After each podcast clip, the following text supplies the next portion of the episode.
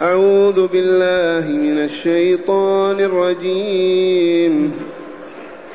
بسم الله الرحمن الرحيم.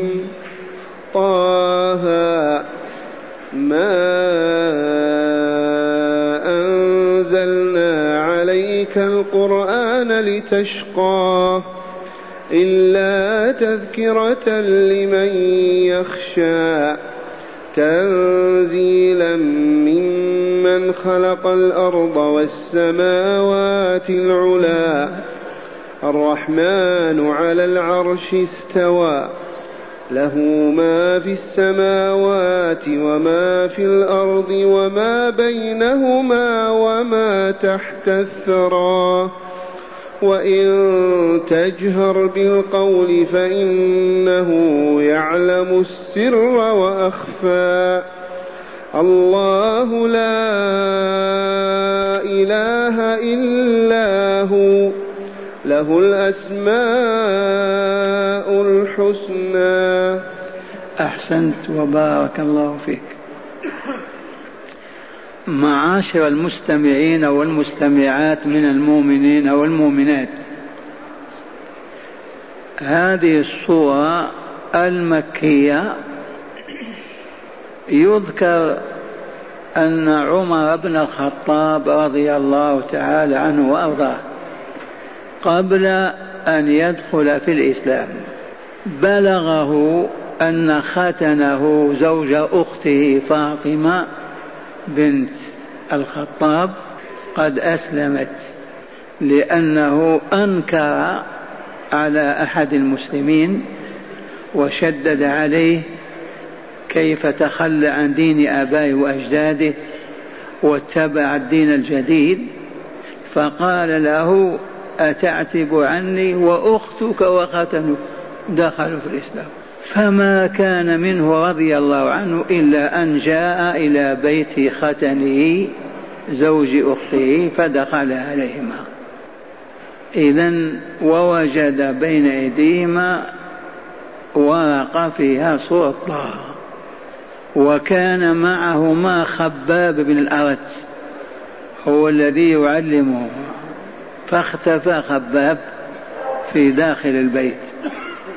ثم بلغني أنكما كذا وكذا. قالا نعم أسلمنا لله رب العالمين. فما كان من عمر إلا أن ضرب فاطمة فأسال دمها ضرب على وجهها. فلما نظر إليها والدم يسيل رق قلبه فقال أعطني ما عندك أعطنا ما عندكما من هذه الورقة. قالت فاطمة إنك نجس بالشرك ولن تأخذها إلا إذا اغتسلت. فقام فاغتسل وأخذ الورقة وإذا فيها طاء. ما أنزلنا عليك القرآن تشقى تقرر نبوة محمد صلى الله عليه وسلم ورسالته. وفتح الله صدره وأتى دار الأرقم فأسلم. وكان الرسول قبل إسلام يقول اللهم انصر هذا الدين بأحد العمرين عمر بن الخطاب أو عمرو بن هشام أبو جهل.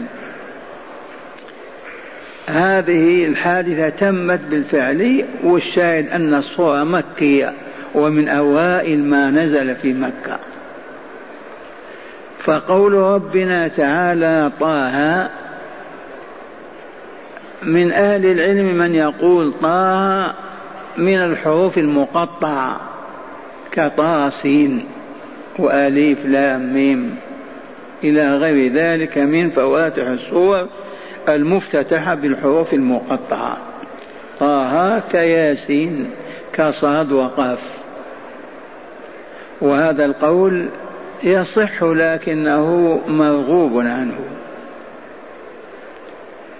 وعلي وابن عباس يروى عنهما أنهما كان يقولان طه اسم من أسماء الله.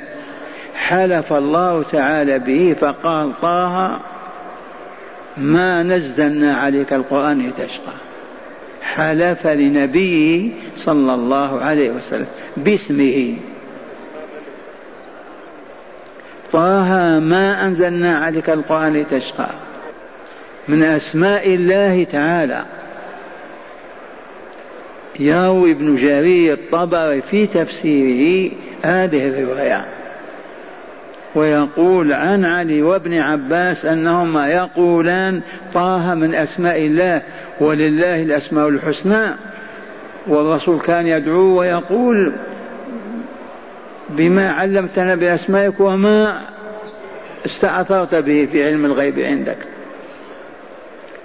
ما الذي يحملهم على هذا؟ كلمة ما أنزلنا. حلف الله للرسول أنه ما أنزل ما نزل القرآن إلا ليبينه للناس. والقول الراجح عند ابن جرير والعلماء أن طه في لغة كثير من قبائل العرب وخاصة عكل أنه بمعنى رجل. طه رجل. كأنما قال يا رجل ما أنزلنا عليك القرآن لتشقى.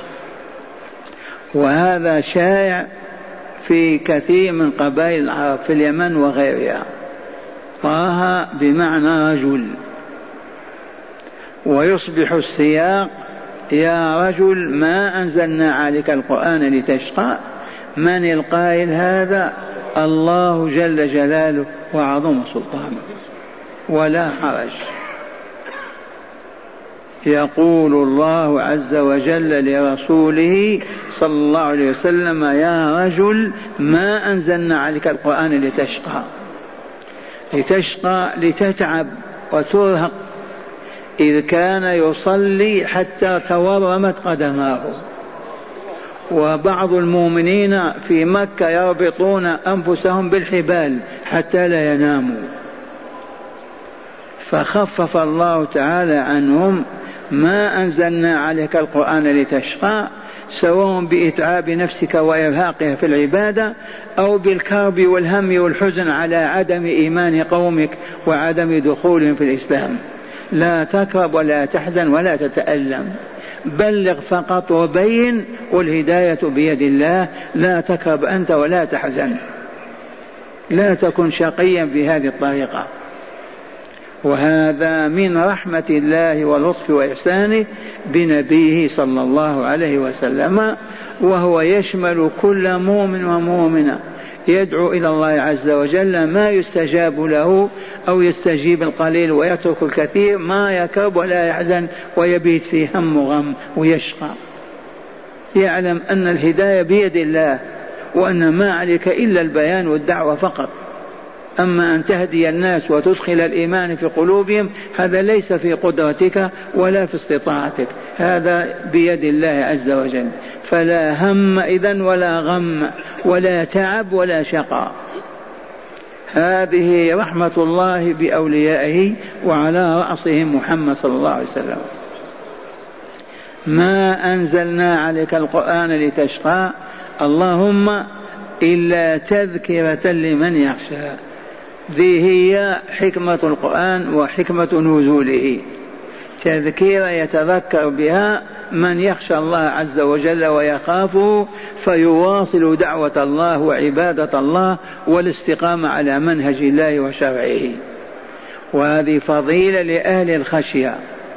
أما أصحاب القلوب القاسية والنفوس الشديدة ما يستفيدون من القرآن إلى الآن. إذا قرأ القرآن عليهم ما يستفيدون. لكن أصحاب القلوب اللينة الخاشعة الخاشية إذا سمعوا القرآن ازداد إيمانهم وازداد صلاحهم وطهارة نفوسهم. لوجود هذا العامل الكبير وهو خشية الله عز وجل. طه ما أنزلنا عليك القرآن لتشقى إلا تذكرة لمن يخشى. يخشى من؟ الله تعالى. فإذا كان يخاف الله ينتفع بالقرآن وإلا لا؟ إذا قرئ عليه ينتفع به إذا قرأه ينتفع به. بخلاف ذي القلب القاسي والشديد الكفر والنفاق ما يستفيد من القرآن. ولو قرئ عليه كله. فهو تذكر لمن يخشى. ثم قال تعالى تنزيلا. من نزل هذا القرآن؟ من أين نزل؟ وفي هذا معنى أن محمدا رسول الله. وهذا وحي الله وكتاب ينزل عليه. كيف لا يكون رسولا؟ لأن المشركين كذبوا في الرسالة وقالوا لن نصدق أنك رسول. وإلى الآن ملايين البشر ما آمنوا بأن محمدا رسول الله. كيف لا يكون رسولا والقرآن نزل عليه؟ أيعقل؟ مستحيل. أن ينزل عليه القرآن وهو بين يديه وتقول ما هو برسول. ولكن من كتب الله شقاوتهم وجعلهم من أهل الخلود في جهنم لا يفهمون ولا يعون ولا يفكرون. إلى الآن القرآن موجود في العالم بل في أمريكا وألمانيا يقرأ في الإذاعات. ما يسألون على من نزل هذا القرآن. ما يسألون ما في هذا القرآن. هاتوا رجال نفهم عنهم. أبدا. قلوبهم مغلبة. ما تعي ولا تسمع. تنزيلا ممن ممن خلق الأرض والسماوات العلى تنزيلا ممن من الرب العظيم الذي خلق السماوات والأرض. خلق السماوات خلق الأرض والسماوات العلى عليا وتجمع على علا. سماء عليا وسماوات عليا. علا. والسماوات جمع سماء. وهي سبع سماوات. ثبت هذا في القرآن الكريم والسنة النبوية وعلى ألسنة الأنبياء والمرسلين. سماء فوق سماء سبع سماوات. والسماء الدنيا القريبة من هذه التي نشاهد الكواكب والأفلاك والنجوم فيها. سبع سماوات. من أوجد هذه السماوات السبع؟ ممكن يقال اللات أو العزى أو عيسى أو فاطمة أو فلان. كيف يقال غير الله؟ من يقوى على إيجاد هذه الملكوت؟ كوكب واحد لو تجتمع البشرية كلها ما صنعته ولا تركته يعيش في هذا الملكوت الأعلى. إذا تنزيلا ممن من الرب العظيم الذي خلق الأرض التي نعيش عليها والسماوات العلى بعضها فوق بعض فهي عالية. هذا الذي يجب أن يخاف يجب أن يعبد يجب أن يحب من أجله وأن يبغض من أجله. هذا هو الله هذا رب العالمين هذا إله الأولين والآخرين. ما للبشرية معرضة سبق المشركون في مكة يسمعون ويعرضون ولا يستجيبون. ثم قال تعالى الرحمن جل جلاله وعظم سلطانه. ذو الرحمة العظيمة ولولا رحمته لولا رحمة بخليقته أعرضوا عنه كفروا به أن لو غيره يبيدهم في كلمة كونوا أمواتا يموتون. ولكن يعصونه ويفجرون عن طاعته ويخرجون عن أمره ونهيه ولا يعذبهم ولا يشقيهم ويهملهم ويمهلهم ويزيدهم في الدنيا. هذا مظهر من مظاهر الرحمة. والرحمن رحمن الدنيا والآخرة ورحيمهما. الرحمن ما له أخبرنا عن نفسك يا ربي. قال على العرش استوى. العرش سرير الملك. واستوى عليه استواء يليق بجلاله وكماله. ولا يسعنا إلا أن نقول استوى استوى يليق به. نحن لا ندرك ذلك ولا نعرف. أولا هل نعرف ذات الله؟ مستحيل. وكل ما يخطر ببالك فالله مخالف لذلك. فإذا لم نعرف ذات الرب كيف نعرف كلمة الاستواء على العرش؟ وأحسن ما عند السلف أن مالكا رحمه الله دخل عليه سائل وهو في الحلقة. يسأل عن كيف استوى. قال له الاستواء معلوم في أذهان والكيف مجهول والسؤال عنه بدعة فالرحمن استوى على العرش يدير الملكوت ويدبر الكون كله. وهذا يجعل المؤمنين يرغبون فيما عند الله ويرهبون من عذاب الله ويتحببون إلى الله لما عرفوا من جلاله وعظيم سلطانه وقدرته التي وسعت كل شيء وقدر بها على كل شيء. فإذا سمعوا أن الرحمن على العرش استوى لانت قلوبهم ورقت قلوبهم ولانوا يدعون الله ويسألونه وخافوا ورهبوا وآمنوا به. لا أن نؤول ونحرف ونبدل ما أخبر تعالى بهذا إلا ليوجد الخشية في قلوب عباده والطمع والرغبة في قلوب عباده. ما دام الرحمن جل جلاله استوى على عرشه يدير ملكوت كله وبيده كل شيء النفوس كلها تحبه وتميل إليه وترغب فيما عنده. ما هو كالأصنام والأحجار والإنس والجن لا يملكون شيئا. ثم قال تعالى له ما في السماوات وما في الأرض وما بينهما وما تحت الثرى. سبحان الله كيف يعبد غيره؟ كيف يؤله يؤله سوى الله تعالى؟ وهو ماذا؟ له ما في السماوات وما في الأرض. من هذا الملكوت الأعلى والأسفل كله له. وما بين السماء والأرض له.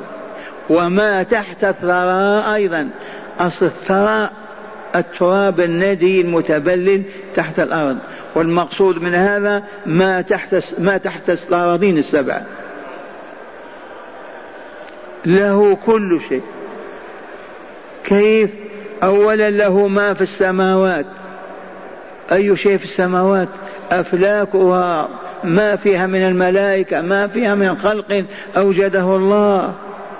كذلك الأرض ما فيها من إنس وجن وحيوان وكل ما فيها وله أيضا ما تحت الأراضين. كيف لا يعبد؟ كيف لا يتقرب إليه؟ كيف لا يسأل عنه؟ كيف كيف كيف؟ لولا أن الشياطين تصرف قلوبه وتبعد عن طلب الحق ومعرفته. وهم عاكفون على أصنام ويحاربون رسول الله ودعوته. له ما في السماوات وما في الأرض وما بينهما وما تحت الثرى أي تحت السماء تحت الأراضين السبع. ثم قال تعالى يخاطب رسوله صلى الله عليه وسلم وإن تجهر بالقول يا رسولنا فإنه يعلم السر وأخفى. هذه آية أخرى من جلال عظيم الله وقدرته. كيف؟ إن جهرت بالقول يا عبد الله سمع قولك وعرفك. أسررته علم ما أسررته ويعلم, ويعلم ما هو دون السر ما لم يكن بعد. إن تجهر بالقول يعلمه. وإن وإن أسررت القول في نفسك علمه ويعلم ما وراء ذلك مما لم يوجد بعده في ولم يخطر بقلبك. الله لا إله إلا هو. هذا تقرير ما تقدم. تلك الآيات دالة دلالة قطعية علمية يقينية على أنه لا إله إلا هو. الله الذي قال لرسوله يا رجل ما أنزلنا عليك القرآن لتشقى إلا تذكرة لمن يخشى تنزيلا ممن خلق الأرض والسماوات العلى الرحمن على العرش سواء له ما في السماوات وما في الأرض وما بينهما وما تحت الثرى وإن تجهب القول فإنه يعلم السواق الله الذي الله لا إله إلا هو. الله اسم الله عز وجل ولله الأسماء الحسنى وبلغنا عن رسولنا أن لله مائة اسم. هذا الذي علمه رسوله وأنزله في كتابه وله أسماء استأثر بها وما أطلع عليها خلق من خلقه. الله جل جلاله لا إله إلا هو أي لا إله يستحق أن يعبد إلا الله. لماذا؟ هذا الذي نعبده مع غيره أو يعبدونه مع الله ماذا خلق؟ ماذا أوجد؟ ما هي قدرته؟ خلق السماوات خلق الأرض خلق ما بينهما يعلم السر والجهر وأخفى ماذا؟ صنم أو حجر أو تمثال أو رسول كعيسى عليه السلام أو أمه. لا الله لا إله إلا هو أي لا معبود بحق يستحق أن يعبد إلا الله. له الأسماء الحسنى الجميلة الفاضلة الطيبة أسماء الله مئة اسم إلا اسما واحدا.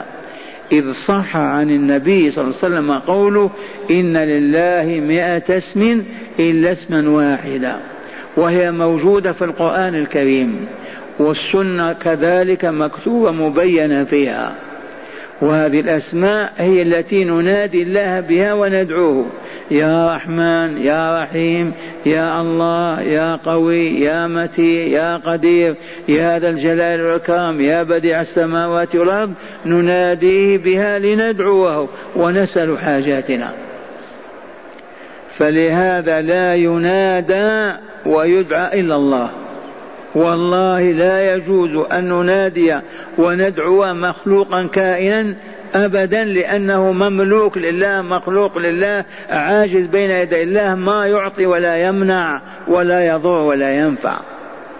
فهو الذي ندعوه ونسأله في صدق فيه غير الله حسبنا أن يقول الله الله الذي لا إله إلا هو الله لا إله إلا هو. ما بقي لات ولا عزة ولا صنم ولا حجر ولا ملك ولا غير ذلك. له الأسماء الحسنى الطيبة الطاهرة الدالة على عظمته وجلاله وكماله مئة اسم لاسم واحدة. هكذا مرة ثانية أتلوا الآيات وتأملوها. طه ما أنزلنا عليك القرآن لتشقى. خفف على نفسك وارفق بها. ولكن أنزلناه ما أنزلناه إلا تذكر لمن يخشى. هنيئا لأهل الخشية. هم الذين يستفيدون من سماع القرآن ومن تلاوته. تنزيلا ممن؟ ممن خلق الأرض والسماوات العلى من هو؟ الرحمن على العرش استوى. له ما في السماوات وما في الأرض وما بينهما وما تحت الثرى. إذا كيف نطلب غيره؟ منين يعطينا؟ إذا كان ما في السماوات وما في الأرض وما بينهما وما تحت الثرى كله لله وحده. يجوز أن نقول يا سيدي أعطني كذا؟ علمنا والله يقينا أن لله ما في السماوات وما في الأرض وما بينهما وما تحت الثرى. بقي من نقبل عليه نقول يا أعطيني والله ما بقي. إذ الله مالك كل شيء هو الذي يسأل ويطلب ويطرح بين يديه ويتضرع إليه ويبكي العبد ويخشى لأن حياته بيده ومصيره إليه. أما المخلوقات التي عبدها العابدون الجاهلون فهي مخلوقة مربوبة لله ما تملك شيئا ولا تعطي شيئا. ومن هنا إن محا الشرك من قلوب المؤمنين والمؤمنات. ما بقي القلب يلتفت إلى غير الله. إذ غير الله ما يملك شيئا. فلنتأمن فلنتأمل له ما في السماوات وما في الأرض. من أموال من موجودات من كل المخلوقات. وله ما بينهما أيضا وله ما تحت الثرى والأرض السابعة. بقي من نرجوه من نطمع فيه من نسأله. والله ما بقي. وما يفعل ذلك إلا ضال وجهل والشياطين تعبث بقلبه. وإن تجهر بالقول أيها السامع فإنه يعلم السر وأخفى فربك يعلم السر ويخفى ويعلم ما هو أخفى من السر. إذا فاتقه فاخشه فاذكره فافا حتى تنجو وتسعد. الله لا الله لا إله إلا هو له الأسماء الحسنى والله يقول ولله اسماء الحسنى فادعوه بها. وذروا الذين يلحدون في أسمائه سيجزون ما كانوا يعملون. إليكم شرح الآيات من الكتاب. قوله تعالى طه لفظ لفظ طه جائز أن يكون من الحروف المقطعة كما قدمنا وجائز أن يكون معناه يا رجل. ورجح الأمر ابن جرير لوجوده في لغة العرب طه بمعنى الرجل. وعلى هذا فمعنى الكلام يا رجل ما أنزلنا عليك القرآن لتشقى. ردا على النضر بن الحارث الذي قال إن محمدا شقي بهذا القرآن الذي أنزل عليه لما فيه من التكاليف. فنفى الحق عز وجل ذلك. وقال ما أنزلنا عليك القرآن لتشقى إلا تذكرة لمن يخشى وإنما أنزلناه ليكون تذكرة ذكرى يذكر بها من يخشى من يخشى ربه فيقبل على طاعته متحملا في سبيل ذلك كل ما قد يلاقي في طريقه من أذى قومه المشركين بالله الكافرين بكتابه والمكذبين لرسوله صلى الله عليه وسلم. وقوله تعالى تنزيلا ممن خلق الأرض والسماوات العلى أي هذا القرآن الذي ما أنزلناه لتشقى به ولكن تذكرة لمن يخشى نزل منزل, نزل تنزيلا من الله الذي خلق الأرض والسماوات العلى الرحمن على العرش استوى أي رحمن الدنيا والآخرة ورحيمهما الذي استوى على عرشه استواء يليق به يدبر أمر المخلوقات. الذي له ما في السماوات وما في الأرض وما بينهما وما تحت الثرى من الأراضين السبع. وقوله وإن تجهر بالقول أيها الرسول أو تسر القول فإنه يعلم السر وأخفى من السر وهو ما قدره الله وهو واقع في وقته المحدد له فعلمه تعالى فعلمه تعالى فعلمه تعالى ولم يعلمه الإنسان بعد هذا السر أخفى من السر مرة ثانية. فإنه يعلم السر وأخفى. أخفى منين؟ من السر. وهو ما قدره الله. وهو واقع. في وقته المحدد له. فعلمه تعالى ولم يعلمه الإنسان بعد. هذا أخفى من السر. وقوله تعالى الله لا إله إلا هو. أي المع الله المعبود بحق. الذي لا معبود بحق سواه. له الأسماء الحسنى التي لا تكون إلا له ولا تكون لغيره من مخلوقاته بحال من الأحوال. وهكذا عرف تعالى عباده به ليعرفوه فيخافوا ويحبوه فيؤمنون به ويطيعونه فيكملون على ذلك ويسعدون. فلله الحمد وله المنة. هداية الآيات. بسم الله والحمد لله. من هداية الآيات اولا إبطال نظرية أن التكاليف الشرعية شاقة ومرهقة للعبد. أعد إبطال نظرية أن التكاليف الشرعية شاقة ومرهقة للعبد.